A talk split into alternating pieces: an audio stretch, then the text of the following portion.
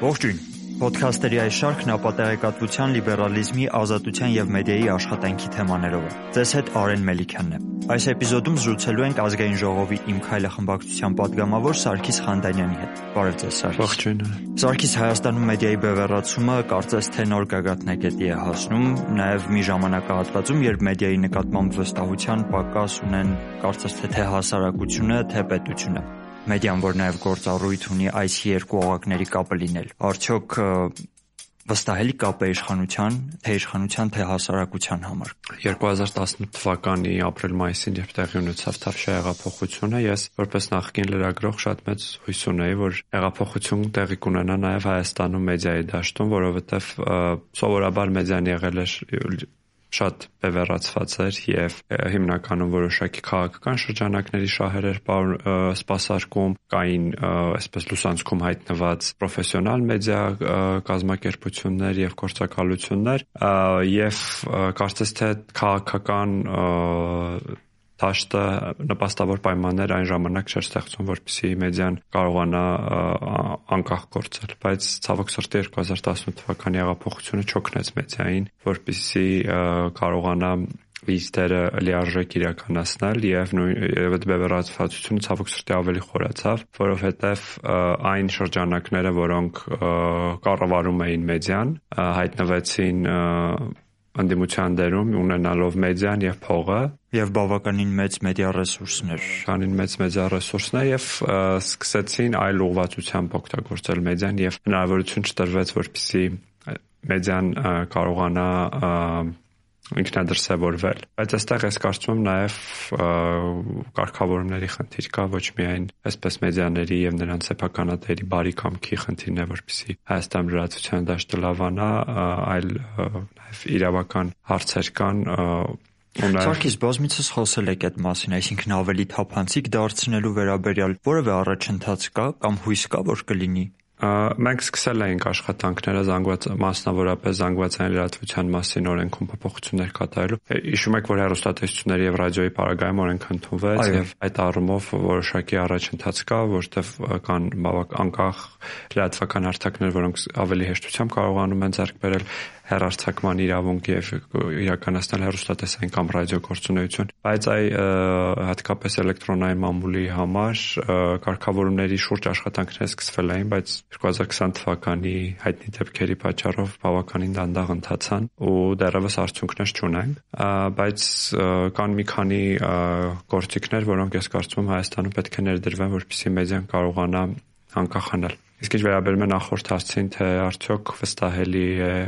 ընդհանուր առմամբ լրատվության դաշտը պետության կամ իշխանության եւ հասարակության համար ես կարծում եմ, որ ոչ, որովհետև մեծ մասամբ են այն լրատվական զանգվածային լրատվության այն միջոցները, որոնք ունեն լայն լսարան, հիմնականում դրանց մեծ մասը չեն ծառայում իրենց հիմնական նպատակին, այսինքն լրատվական ավելի շատ մանիպուլյացիոն գործունեությամբ կամ ռոպագանդիստական գործունեությամբ են զբաղված, քան բուն լրատվական գործունեությամբ եւ այստեղ հանրությունը ես բավականին կասկածամտությամբ է վերաբերվում այդ լրատվական գործը ուրեմն միջոցների աշխատանքին, իսկ պետություններ չի վստահում հաճախ լրատվամիջոցների գործը։ Հասանք այստեղ, այսինքն պետությունը ամեն դեպքում չի վստահում այդ։ Ոչ, որովհետև պետությունը այսպես տարապանքը փորձ ունի վերջին 2.5 տարիների ընթացքում ստացվել է այնպես, որ նաև որոշակի պետության կոմունիկացիոն քաղաքականության թերացումների պատճառով նաև պիտի խոստովանեմ, որ եւ դա օգտագործելով լրատվամիջոցներ, շատ մեծ թվով լրատվամիջոցներ, մեծ լսարան ունեցող լրատվամիջոցներ փորձել են ուրեմն ստվերում թողնել իր կատարվոր բարեփոխումները կամ լրիվ այլ լույսի ներքո ներկայացնել թե բարեփոխումները թե իրադարձությունները կամ առհասարակ ուրեմն դեզինֆորմացիա եւ սուտ լրատվություն են տարածել։ Բացարձակ նոր չէ մեղադրանքը ուղղված իշխանություններին, կոնկրետ պաշտոնյաների նաև, որ ծախողված է հարաբերությունը մեդիայի հետ հասարակության հետ, այսինքն հանրային կապը պահելու մշակույթը չկա։ Դուք էլ դրա մասին հիշատակեցիք, ո՞րն է խնդիրը, ինչու չի ստացվում պահել այդ կապը։ Այստեղ կան օբյեկտիվ եւ սուբյեկտիվ պատճառներ։ Օբյեկտիվ պատճառներից մեկը այն է, որ այդ ընդհանրապես հեղափոխությունից հետո հաճախ լրատվամիջոցների անհրաժեշտությունը չի եղել հանրության հետ շփվելու համար, որովհետև 21-րդ դարը դրա հնարավորությունը տալիս է քաղաքական գործին առանց լրատվամիջոցի կամ շփվել եւ սա եղել եւ սա առաջացրել է նաեւ որոշ լրատվամիջոցների մտահոգությունը եւ քննադատության են ենթարկել որ այ օրինակ վարչապետ Նիկոլ Փաշինյանը կամ որևէ այլ պաշտոնյա փոխանակ լրատվամիջոցների հետ շփվելու ուղիղ շփվում է իր Facebook-յան հարթակի միջոցով քաղաքացիների հետ։ Այստեղ ուղղակի կարևոր է հասկանալ անհրաժեշտությունը չի եղել, թե նախապատվությունն է տվել տրվել այս ձևաչափին, որովհետև կարծես թե անհրաժեշտություն հաստատ կա։ Անհրաժեշտություն հաստատ կա, բայց վերադառնալով նախորդ հարցի պատասխանի մտահոգությանը, որ հաճախ տրված ինֆորմացիան ճիշտ չի մեկնաբանվել կամ խեղաթյուրվել է, այստեղ երևի չեմ կարող ասել հստակ որոշման, բայց ինքնաբերաբար ստացվել է այնպես, որ ավելի արդյունավետ է լինել եղել ուղակի խոսել ժողովրդի հետ, քաղաքացիների հետ, քան լրատվամիջոցների միջոցով, բայց սա չեմ ուզում որպես արդարացում բերեմ, ես կարծում եմ լրատվամիջոցների դերը հսկայական է եւ հատկապես հիմա ես կարծում եմ լրատվամիջոցները ոչ միայն պետք է լուր հաղորդող լինեն, այլ նաև պիտի լինեն այդ ողջախոհությունը ապահովող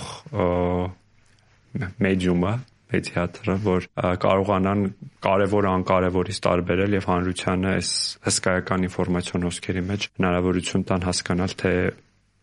որտեղ է ճշմարտությունը։ Ինչը հիմա ցավոք սրտի այդպես չէ եւ հանրությունը ստանում է շատ մեծ թվով, շատ մեծ ծավալով ինֆորմացիա եւ դրանց աղբյուրները հաճախ երբ որ ես իմ ծանողներին երբեք երբեմն որ հարց եմ տալիս ինչ որ լուրի լուրի մասն են ասում ասում են որտեղ եք կարդացել ով է ասում են Facebook-ում էր գրած եւ այս աղբյուրների անհայտությունը բերում է այսպիսի խնդիրների Սարգիս այստեղ այդ բարագայում այլ հարցել է առաջանում թե դժվարանում եմ ասել որպես նախկին լրագրող, որովհետև գոնե իմ ընկալմամբ նախկին հնարավոր չի լինել որպես լրագրող։ Ամեն դեպքում միգուցե պրոֆեսիոնալիզմի խնդիր կա, այսինքն մենք խոսում ենք մեդիան չի կարողանում, բայց մեդիան մարդիկ են, չէ, եւ գուցե իսկապես խնդիրը պրոֆեսիոնալիզմի մեջ է։ Պրոֆեսիոնալիզմի խնդիր կա, բայց ես կարծում եմ պրոֆեսիոնալներ կգտնվեն, եթե մեդիայի սեփականատերը ցանկանան պրոֆեսիոնալ լրատվամիջոցներ ունենալ։ Իհարկե մենք մատնանշենք լրատվամիջոցներ, որտեղ աշխատում են պրոֆեսիոնալ լրագրողներ եւ պրոֆեսիոնալ լրատվական նյութան մատուցում հանրության, բայց շատ լրատվամիջոցներում ուղղակի կարիք չկա պրոֆեսիոնալ լրատվության, որովհետև նրանց նպատակն է շրջանակներ, բիզնես, չեմ ասում միայն քաղաքական շրջանակների, որոշակի բիզնես շրջանակներ եւ այլ շրջանակների շահեր սպասարկել եւ այդտեղ չեմ հիշում լրագրող գործընկերներից սովեր, ասաց ես երբեմն ինձ դիկտաֆոն եմ զգում, սայնագրիչ եմ զգում, որովհետև իր արած գործը լրագրություն չի, այլ ընդհանրապես որևէ մեկի միտքը կայքում տեղադրելն է կամ թարգմանելը կամ արտատպելը այսպես։ Եվ հա նաև կա որոշակի կրթության դպրոցի պակաս Հայաստանում լավ լրագրող դառնալու համար եւ այդ դպրոցը չեմ ասում ֆորմալ հաստատության մասին, այլ ընդհանրապես կարծում եմ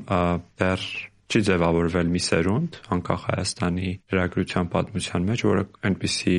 հարուստ փորձառություն եւ գիտելիք ունի, որ կկարողանա հաջորդ սերունդին փորձ։ Անհատների մակարդակով կարող ենք խոսել, բայց որպես այդպես սերունդ լրագրության 90-ականների լրատվություններ լավագույնը չէր եւ այն ժամանակ էլ Եվ իրականում հենց այդ դպրոցն է փորձվել նաև պրոյեկտել նոր սերնդի լրագրողների վրա, ինչի արդյունքը չեմ կարծում թե լավագույնն է։ Սարգիս 2020 թվականին պակաս չունեցանք ճգնաժամային իրավիճակների, այսինքն արտակարգ դրության տևական ամիսներին հաջորդեց ռազմական դրությունը։ Սա նշանակում է լրագրողների համար անընդհատ աշխատանք սահմանափակված անընդհատ սահմանափակում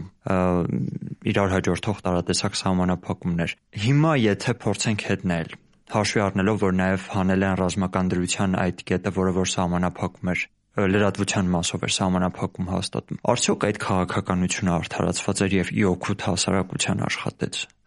Ես կարող եմ տարանջատել համավարակի ընթացքում եւ պատերազմի ընթացքում, որովհետեւ կարծես թե տարբեր պիտի լինեն։ Երկու դեպքում էլ իրավունքների սահմանափակումները եւ ըստ դեպքում ամուլի ազատության իրավունքի սահմանափակումը պետք է ծառայի բարօրություն, հանրային անվտանգության, ազգային անվտանգության, երկրի պաշտպանության ամրապնդման եւ այլն։ Բայց կարծում եմ, այս սահմանափակումները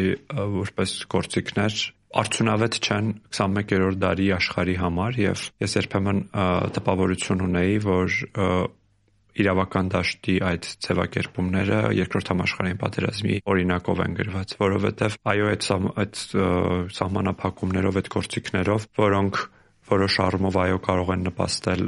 անվտանգության ամրապնդմանը։ Կարելի է սահմանափակել ռադիոն, հեռուստատեսություն եւ տպագիր մամուլը, բայց ոչ երբեք էլեկտրոնային լրատվամիջոցը եւ իրավապահ մարմինները Հայաստանում եւ որևէ երկրում ես կարծում եմ չունեն գործիք կազմ սահմանափակելու ինֆորմացիոն հոսքերը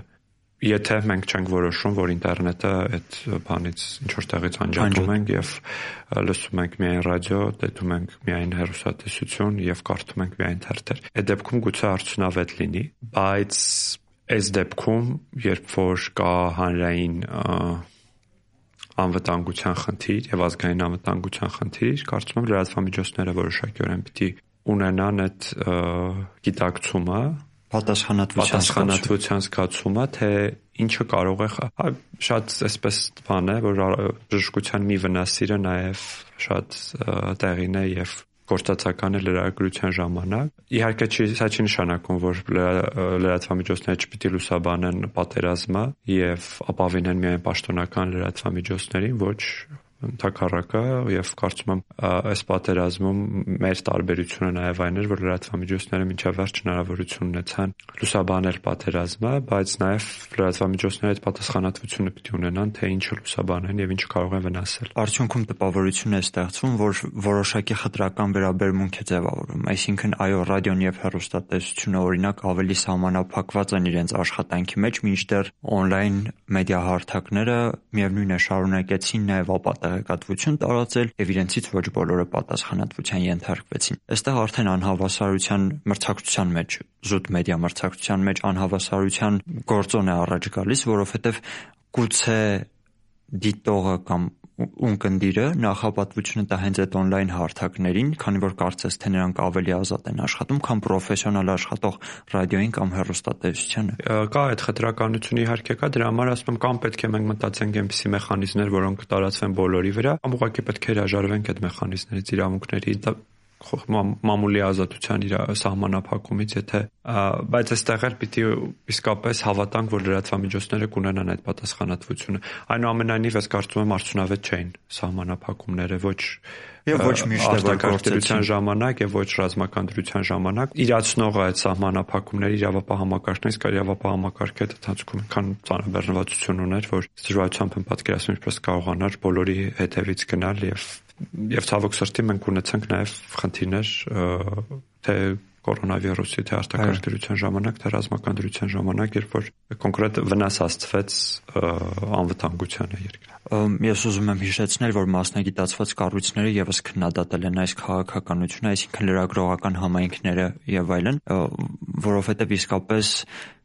հաճախ շատ ոչ տեղին էին այդ սահմանափակումները եւ ոչ բոլորն էին արդյունքում դրանից դուրժում, ինչի հետևանքով անմրցակցային, ոչ մրցակցային միջավայր էր ստեղծվում հա մեդիա դաշտում։ Դուք ազգային ժողովի մարդու իրավունքների պաշտպանության եւ հանրային հարցերով հանձնաժողովի անդամ եք նաեւ։ 2.5 տարում, մոտ 2.5 տարում։ 2 տարում ուղիղ։ 2 տարում, այո, լավ, 2 տարում։ Կարող ենք քննարկել մի քանի գործնական քայլ, որոնք արվել են մեդիայի ազատությունը ապահովելու համար կամ մեդիան ավելի լավը դարձնելու համար։ Հեղափոխությունից ի վեր իշխանության բարձանքներից մեկը հենց Հայաստանում մեդիայի ազատությունն է եղել ինչ է արվել այդ ազատությունն ապահովելու համար։ Արդեն նշեցի, շատ կարևոր օրենք է ընդունվել տեսալուսողական մեդիայի մասին օրենքը, ազգային ժողովի պատգամավորների ներկայացման, որը կարգավորում է հեռուստատեսության եւ ռադիոյի աշխատանքը եւ նաեւ նրանց լիցենզիաների տրամադրման, սահմանափակումները եւ այլն եւ այլն, ինչ շատ կարեւոր է, որովհետեւ տարիներ շարունակ շատ լրատվամիջոցներ Հայաստանում լոյալ չլինելով իշխանություններին հաճախ ստիպված էին լինում հրաժարվել ոչ թե հրաժարվել, այլ ուղղակի չէին ստանում հերարցակման իրավունք եւ չէին կարողանում իրենց ռուսատեսային կամ ռադիոարտադրանքը հերարցակել։ Հիմա գործընթացը սկսվել է եւ այս առումով ես կարծում սա կարևոր առաջընթաց է, որ մենք ունենք նոր օրենք, որը լայն հնարավորություններ է ստեղծում լրատվամիջոցների համար աշխատելու։ Նաև ատելության խոսքի մասով։ Նաև ատելության խոսքի մասով, հա ընդհանրապես խոսքի տարածման վերաբերյալ ազգային ժողովը քերիականացրել է բռնության կոչեր պարունակող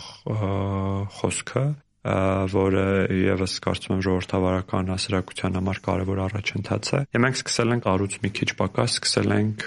ատելության խոսքի ավելի համապարփակ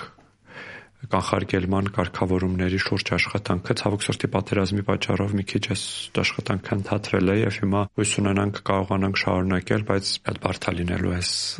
մթնոլորտում այդ մասին խոսել, որովհետեւ մարդիկ որովհետեւ առաջնահերթությունները հանրության ուղղակիորեն փոխվեցին պատերազմի ժամանակ եւ ընթացքում բայց սա բացարձակ չի նշանակում որ նա կարևոր չէ բացարձակ իսկապես շատ կարևոր է եւ այս այժմ ավելի քան կարևոր է հանրային համերաշխությունը ապահովելը մեր երկրում եւ այս նկատառումից ելնելով նաեւ խոսքը շատ կարևոր է այստեղ ու պետք է մենք այս գործը ավարտին հասցնենք իհարկե մենք չեն գնալու այնպիսի ճանապարհներով որ խոսքը սահմանափակվի օրինակ վիրավորանքը կամ ծրպարտությունը քրեա իրավական դաշտում հայտնվի ինչպես նախկինում էր, որովհետև եթե մենք հավատարիմ ենք ժողովրդավարությանը, ապա պետք է նաև հավատարիմ լինենք հանդուրժողականությանը եւ փորձենք այլ կարգավորումներով խոսքը խոսք ուրեմն խոսքի ավելի վտանգավոր հատվածը պահեն քրեական դաշտում մնացածը քաղաքացի իրավական կամ վարչական իրավական դաշտում եւ առասարակ աշխատանք հանրության հետ որպիսի բանը չհասնի օրենքի կիրառմանը եւ սա շատ երկարատև գործընթաց է եւ սա ես միշտ կապում եմ կրթության իհարկե դա տևական գործընթաց է անկասկած մյուս կողմից պատերազմը եւ հատկապես դրա արդյունքները ռադիկալացման եւ ատելության նոր ալիք բերեցին Հայաստան ու Հայաստանի հասարակության ներս։ Սկանդալային դեպք ունեցանք նաեւ, երբ հանրապետության հրապարակում տեղադրված մեծ էկրանից փաստացի հենց ատելության խոսք ու վիրավորանքներ էին հնչեցվել։ Դա կարծես թե պետության պատասխանատվության տակ գտնվող մեդիա է, հա, այդտեղ հանրապետության հրապարակում տեղադրված էկրանը Իհարկե բարեբախտաբար հետո այդ էկրանը հանեցին, բայց գնահատական հնչեցվեց թեկուզ ձեր հանձնաժողովի կողմից գնահատական չի հնչեցվել, արագ արձագանք եղել, որպեսի հերացվի դա եւ սա իսկ իրական շատ տեխնիկական բաստողում էր եղել։ Ինչ նկատի ունեք։ Նկատի ունեմ, որ խոսքի են հատվածը, որը պետք է փակվեր, կտրվեր չեր արվել եւ պատասխանատուները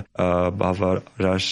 ուշադրությամբ չէին վերաբերվել գործին ու այդ իրավիճակը ունեցանք, ինչ շատ ցավալի է եւ անընդունելի է իսկապես։ Եվ բարեբախտաբար դա հեռացվեց արագ եւ ավելյալ տարածում չգտավ։ Չէ, արձագանք, այսպես քննարկում դրա շուրջ չի ծավալվել քաղաքական, բայց արձագանք եղել է միանգամից եւ խնդրել ենք ովքեր որ պատասխանատու են, արդեն չեմ էլ հիշում քաղաքապետարաններ պատասխանատու թե կառավարությունը, բայց խնդրել ենք որ հեռացնեն դա եւ իսկապես հատկապես այս օրերին շատ կարևոր է ավելի պատասխանատվությամբ վերաբերվել խոսքին եւ հնչող մեկնաբանություններին, թե ինչ ինչ ենք ուզում կոմունիկացնել հանրությանը եւ ինչ ոչ որտեվ հանրությունը շատ շատ շատ զգայուն է հիմա, որտեվ մեծ տրավմայի միջով է անցնում ու մենք պետք է փորձենք հնարավորինս դուրս հանել մարդկանց այս դեպրեսիայից նաև խոսքի միջոցով։ Բայց մյուս կողմից նույն խոսքը անընդհատ խոսքի միջոցով ատելություն է գեներացվում, ատելություն իշխանությունների հասցեին, ատելություն ընդդիմության հասցեին եւ ամբողջությամբ սոցիալական ցանցերը հեղեղված են հենց ատելությամբ։ Լավատեսեք ինչ կարող ենք անել, որպիսի հնարավորինս հանգստացնենք այդ մեղմենք այդ ատելությունը։ Ելք կա այս պահին թե ուղղակի պետք է սпасել կարծում եք։ Երկ կարծում եմ կա, բայց ես լավատես չեմ ժամկետ ժամանակացույցի ժամկետների առումով, ես կարծում եմ դեռ ճիշտ տևական ժամանակ մարդիկ այդ էմոցիաների տակ բոլոր կողմերից հա անկախ քաղաքական հայացքներից փորձելու են դրանց զայրույթը արտահայտեն, բայց մյուս կողմից չպետք է այսպես սпасել տեսնել մարդիկ երբ կվերջանա, կզայրանան կվերջանա, կգնան իրենց անձնական թիրախավորումներ են վերցնում։ Այո։ Եվ ուղղակի պետք է աշխատել եւ աշխատել ոչ միայն այդ ուղղությամբ, այլ պետությունը պիտի ողջ ծավալով պետական ինստիտուտները պետք է աշխատեն, պետքա մարդիկ թեմաները նաև որոշակի դիվերսիֆիկացնեն, որովհետև այսօրվա միակ թեման պատերազմն է եւ դրա հետևանքներն շատ բնական է, բայց նաև մենք երկրում ունեն ունենք կուտակված լիքը այլ խնդիրներ եւ նաև լիքը այլ հարցեր են լուծվում, որոնց մասին մենք պետք է խոսենք ու հանրությանը որոշակիորեն դուրս բերենք այս այս վիճակից եւ հետո արդեն գուցե քաղաքական գործընթացներ պետք է տեղի ունենան որ գուցե պետությունը պետք է որևէ բան անի հասարակությունը ավելի մեդիագրագետ դարձնելու համար քանի որ մարդկանց էմոցիոնալ արձագանքը նաեւ մեդիագրագիտության պակասի խնդիր է հա շատերը շատերին շատ հեշտ է մանիպուլացնել ոմանք պարզապես վերնագիրը կարդալով են տեղեկատվության մասին իրենց եզրակացությունները կազմում եւ տարածում այդպես։ Գուցե պետք է որևէ գործնական քայլ անել, որպիսի հասարակությունն ավելի մեդիագրագետ դառնա։ Մեդիագրագիտությունը անկյունակարն է խնդրի լուծման միանշանակ, ինչը ինչպես ավելի վաղ նշեցի երկարաժամկետ գործընթաց է եւ ես շատ ուրախ եմ, որ շատ մեծ աղմուկանաց հանրակրթության չափորոշիչներում շատ լավ տեղեր զբաղեցնում եւ շարունակում է զբաղեցնել մեդիագրագիտությունը եւ կրթության բոլոր մակարդակներում, բոլոր տարիներին մեծագրագիտությունը պիտի լինի առաջնահերթություն երեխաների համար, ինչեվ ինչեվ որովհետև այդ մեծագրագիտությունը այսպես դու չես կարող գործիքների մասին սովորեցնել մարդկանց, որովհետև գործիքները անընդհատ փոխվում են։ Այդ սկզբունքները, արժեքները պետք է անընդհատ դասավանդվեն եւ չեմ կարող ասել մոտ ապագայում մենք ունենանք ավելի մեծագրագետ հանրություն, բայց եթե իսկապես հանձնառու լինենք, որ կրթության մեջ մեծագրագիտություն ունենալու է կարևոր բաղկացուցիչ մաս, կարող ուսումնանամ, որ մոտ մի քանի տարի անց դրությունը ավելի լավը կլինի։ Մինչ այդ մեր խոսակցությունը սկսվեց հասարակության մեդիայի նկատմամբ վստահություն ունենալ չունենալուց նաև։ Հիմա տեսնում ենք, որ ատելության խոսքը, որը որ քննարկում էինք կա սոցիալական ցանցերում, որոշ դեպքերում նաև դուրս է գալիս փողոց ու գործնական քայլերի վերածվում, այսինքն մենք տեսնում ենք ինչպես են որոշ խմբեր փորձում ճնշում գործադրել լրատվամիջոցների նկատմամբ, կոնկրետ լրատվամիջոցների նկատմամբ, լրագրողների, մեդիա ներկայացուցիչների եւ մեդիա կազմակերպությունները, մարդիկ, որոնք որ հետաքրքրված են սրանով, նաև պետությունից են ակնկալում գործնական քայլեր, թեկուզ դատապարտող կոչեր եւ այլն, որն առայժմ չենք տեսնում։ Սովորաբար դատապարտող կոչեր լինում են կամ որևէ կերպ արտահայտվում են եւ միջավ պատերազմը ես չեմ հիշում որևէ դեպք, երբ որ մեդիա գործունեություն իրականացնող իրականացնողների նկատմամբ որևէ բան եւ ես անձամբ օրինակ չանադառնամ նրան եւ դրան եւ բան չանեմ չքննադատեմ եթե եղել է իսկապես սահմանափակում աշխատանքային գործունեության պատերազմից հետո անկեղծած չեմ նկատել եւ գուցե եղել է եւ ես եմ բազմաթիվ են իրականում եղել ուղղակի մեր ունկնդիրների համար նաեւ հիշեցնեմ որ առացիորեն մի քանի օր առաջ փորձ է արվել նախ առաջին օրը ռադիոկայանի վրա հարցակում է հարցակման փորձ է ռադիոկայանի վրա որը մենք առնվազն քաղաքական ուժը առնվազն հայտարարությամբ դա դատապարտել է։ Միայն վերջին շաբաթվա ընթացքում առնվազն 2-3 անգամ հանրահավաքների ընթացքում որոշ on-line հեռուստաընկերությունների եւ լրատվամիջոցների օպերատորների վրա է փորձ փորձ եղել հարցակում անելու եւ կարծես թե արգելել են լուսաբանել հենց ցույցի մասնակիցները արգելել են լուսաբանել իրադարձությունը եւ ակնհայտ երևում է այդ անհանդուրժողականությունը հա մեդիայի նկատմամբ ցավալի է որ այդպիսի տպավորություն է ստեղծվել եւ ես հուսով եմ դա կստանա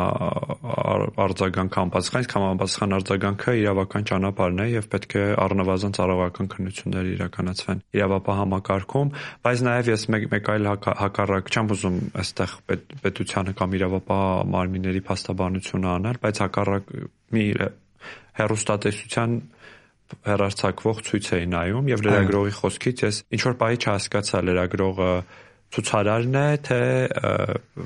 փորձում է լուսաբանել, որովհետև քաղաքական կոնկրետ կոչեր էր հնչեցնում եւ կոմունիկացնում դայի շուրջ գտնվող ցուցարարներին եւ այստեղ իրավապահ մարմինները եւս գուցե հաճախ չեն կողմնորոշվում, թե ում հետ գործ ունեն, բայց իհարկե լրատվամիջոցները պետք է կարողանան բոլոր պայմաններում իրենց գործունեությունը իրականացնել եւ լրատվական գործունեություն իրականացնողների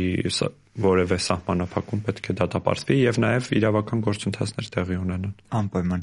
Իրականում ձեր ասած օրինակները բազմաթիվ են, այսինքն երբ լրատվամիջոցը ակնհայտ ոչ թե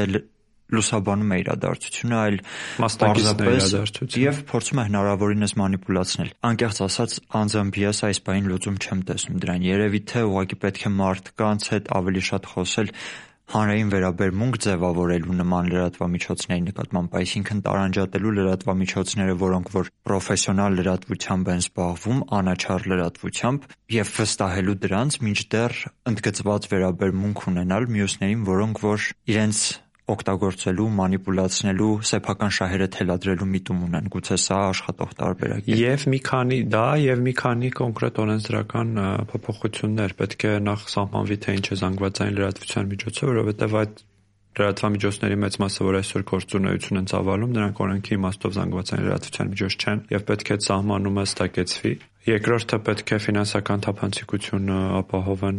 զանգվածային լրատվության միջոցները, որպեսզի հանրությունը տեսնի, թե ինչ միջոցներից են ֆինանսավորվում եւ ըստ այդմ ինչ շահեր են սպասարկում։ Եվ հենց այս նպատակով նաեւ պետք է բացահայտվեն իրական սեփականատերերը լրատվամիջոցների։ Սրանք խնդիրներ են, որոնք մեր անելիքն են, օրենքի դաշտում են եւ մենք պետք է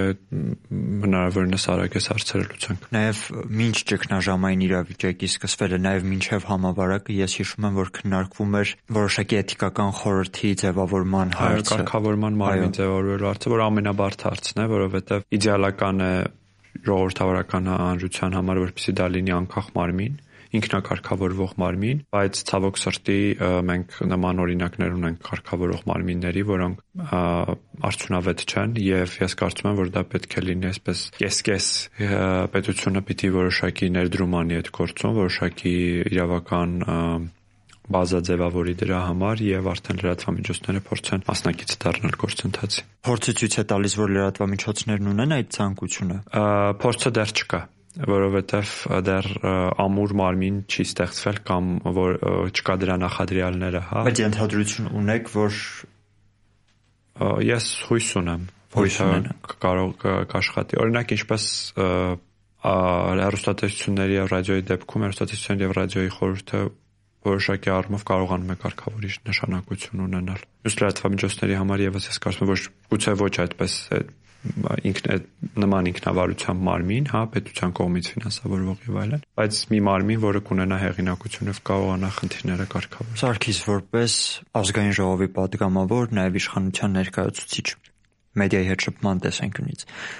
ամենամեծ խնդիրը, որ դուք ունենում եք, ո՞րն է։ Ես միշտ բաց եմ մեդիայի հետ շփմանը, բայց ես ունեմ կարմիր գծեր եւ կան որ կոնկրետ լրատվամիջոցներ, որոնց հետ որոնցից ես խուսափում, ոչ թե խուսափում եմ, այլ հարկ չեմ համարում հարցազրույց տալ, որովհետեւ եղել են դեպքեր։ Կարող են ձեզ այստեղ մեղադրել խտրական լինելու համար։ Հա կարող են մեղադրել, բայց այո, ես խտրական եմ, եթե իմ խոսքը պիտի ձևափոխվի, նենգափոխվի եւ նաեւ իմ գործընկերների օրինակով եղել են դեպքեր, երբ որ իմ գործընկերներից որևէ մեկը հարցազրույց է տվել լրատվամիջոցներին եւ հետո դա լրատվամիջոցը սկսել է ծաղրել իր լրատվական նյութի միջոցով կամ այսինքն շատ կիսատ է ներկայացրել եւ այլն եւ այլն ու այդ առումով ունեմ այդ կարմիր գծերը, իսկ մյուս առումներով ես բաց եմ մեդիայի համար անկախ իրենց այսպես ճակերտավոր քաղաքական պատկանելիությունից։ Այսինքն խնդիրը ոչ թե նրանց լրատվամիջոցի քաղաքական դիրքորոշումն է, այլ